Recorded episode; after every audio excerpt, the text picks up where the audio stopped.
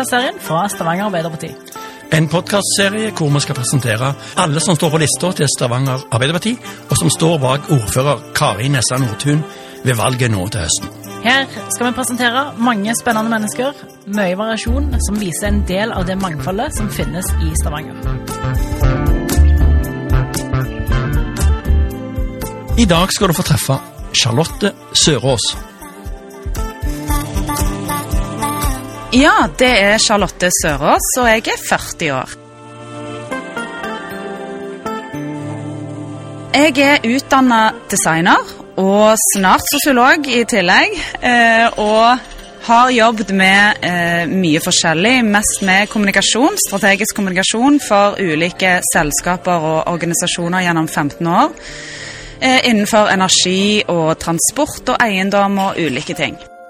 Jeg har òg jobbet som politisk rådgiver for fylkesordføreren de siste tre og et halvt årene. Og um, har jobbet med næringspolitikk for NHO. Hva er din tilknytning til Stavanger? Du, jeg vokste opp i Sandnes på Gandal. Og um, det var veldig kjekt å vokse opp der, men jeg flytta til byen når jeg var 16 år. Og begynte på Kongsgård. Eh, og der ble jeg jo veldig eh, godt kjent med kulturen i Stavanger og fikk veldig mange gode venner gjennom de årene på videregående skole. Og har eh, siden, etter noen år i utlandet og sånn, etablert meg her med to barn. Gauken lever i meg fremdeles, og jeg er veldig glad i den større regionen, som vi liker å kalle det.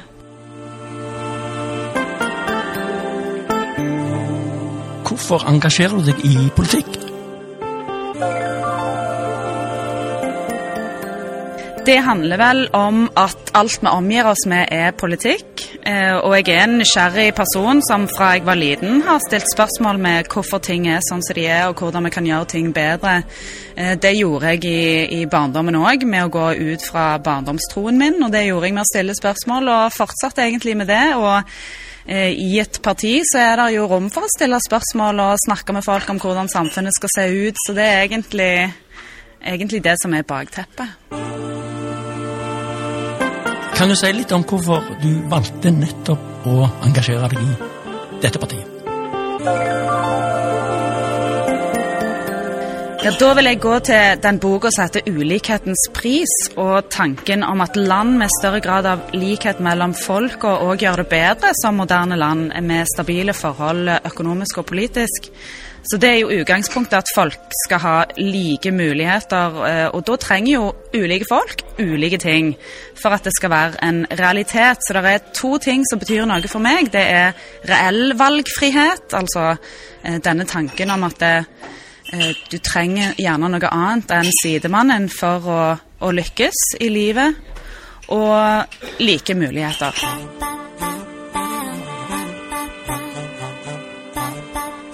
Arbeiderpartiet jobber jo for at alle skal få sine primærbehov møtt i landet vårt.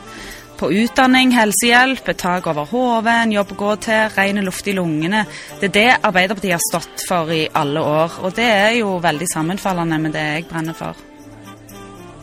Hvilke saker brenner du for, da? Altså, eh, For meg betyr det veldig mye at kvinner er likestilt i samfunnet. Eh, og en ting som står mitt hjerte nær, det er jo arbeid og, og næring. fordi det har jeg òg jobbet med i mange år, og dette med yrkesfag.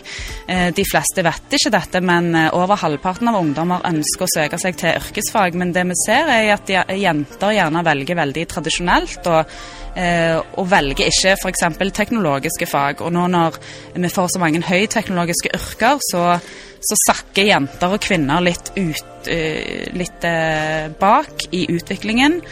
Eh, og det er noe jeg brenner for, at flere kvinner og jenter skal velge matte, realfag, teknologi og den type utdanning. I tillegg så er jeg opptatt av at vi skal få på plass nye arbeidsplasser som passer inn i lavutslippssamfunnet. Det er helt nødvendig hvis vi fortsatt skal ha en jobb å gå til, alle sammen. Eh, så er det mange lange linjer for framtidas samfunn som skal landes de neste årene. Med ny industri og arbeidsplasser over hele landet ikke sant? så skal vi bygge ut mer kraft. og Da er det viktig at vi har en sosial profil på utbyggingen, og det mener jeg Arbeiderpartiet står for. Eh, dette er verdier som skapes gjennom etablering av ny industri, og det må komme folk i lokalsamfunnet til gode. Og Da må det offentlige ha styring og kontroll på det, og det mener jeg at Arbeiderpartiet er garantisten for. Så står klima og miljø sentralt for meg. Eh, der er jeg utålmodig. Har vært det helt fra studietida for 20 år siden, når jeg studerte design. Eh, og dette med at design er en frontfigur på miljøvennlige produkter og tjenester for folk. Men i tillegg så er jeg opptatt av ensomhet og de følgene det får for enkeltmennesket og samfunnet det inngår i så mange andre områder av politikken. På jobb, på skolen, på sykehjemmet. Og ensomhet, sånn som jeg ser det, har blitt et alvorlig samfunnsproblem. Det er noe av det mest skadelige at mennesker kan bli utsatt for. Og i dag er det så mange som er ensomme. Så tenker jeg eh, på de som er helt nye i Norge og skal skape nye sosiale nettverk. Og jeg tror ikke det er så enkelt.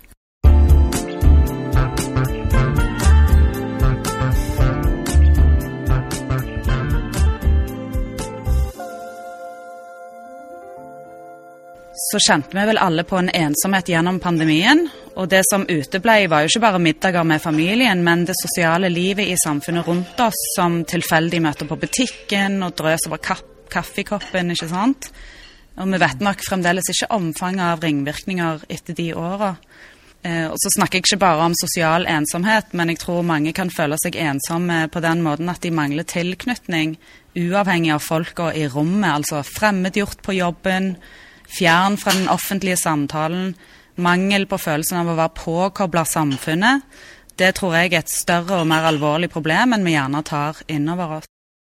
Hva er du stolt av som Arbeiderpartiet har fått til, eller som de jobber for i Stavanger? Det er lett å snakke om alt vi har fått til i Stavanger. Eh, og jeg mener jo at politikken til Arbeiderpartiet i byen vår står i en særklasse.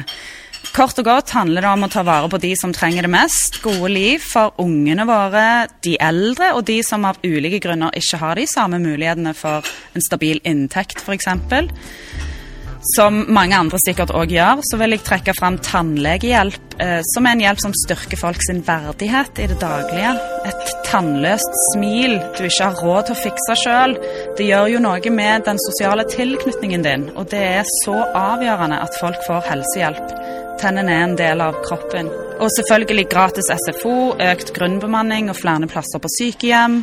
Over 100 millioner mer til skolene, gratis trygghetsalarm, krav til lærlinger og fagarbeidere i anbud. Vi har stoppa bruk av private inkassobyrå, vi, vi har, gitt støtte til kjøp av varmepumpe, økt støtte til frivillighet og psykisk helse. Ja, lista er veldig lang. Og så et eh, spørsmål som kanskje ikke handler om politikk, men har du en favorittplass, altså drømmestedet ditt i Stavanger? Det er det flotte biblioteket vårt på Sølvberget. Det er der drømmer kommer fra. Det er der de er nedskrevet og tilgjengelige for oss alle.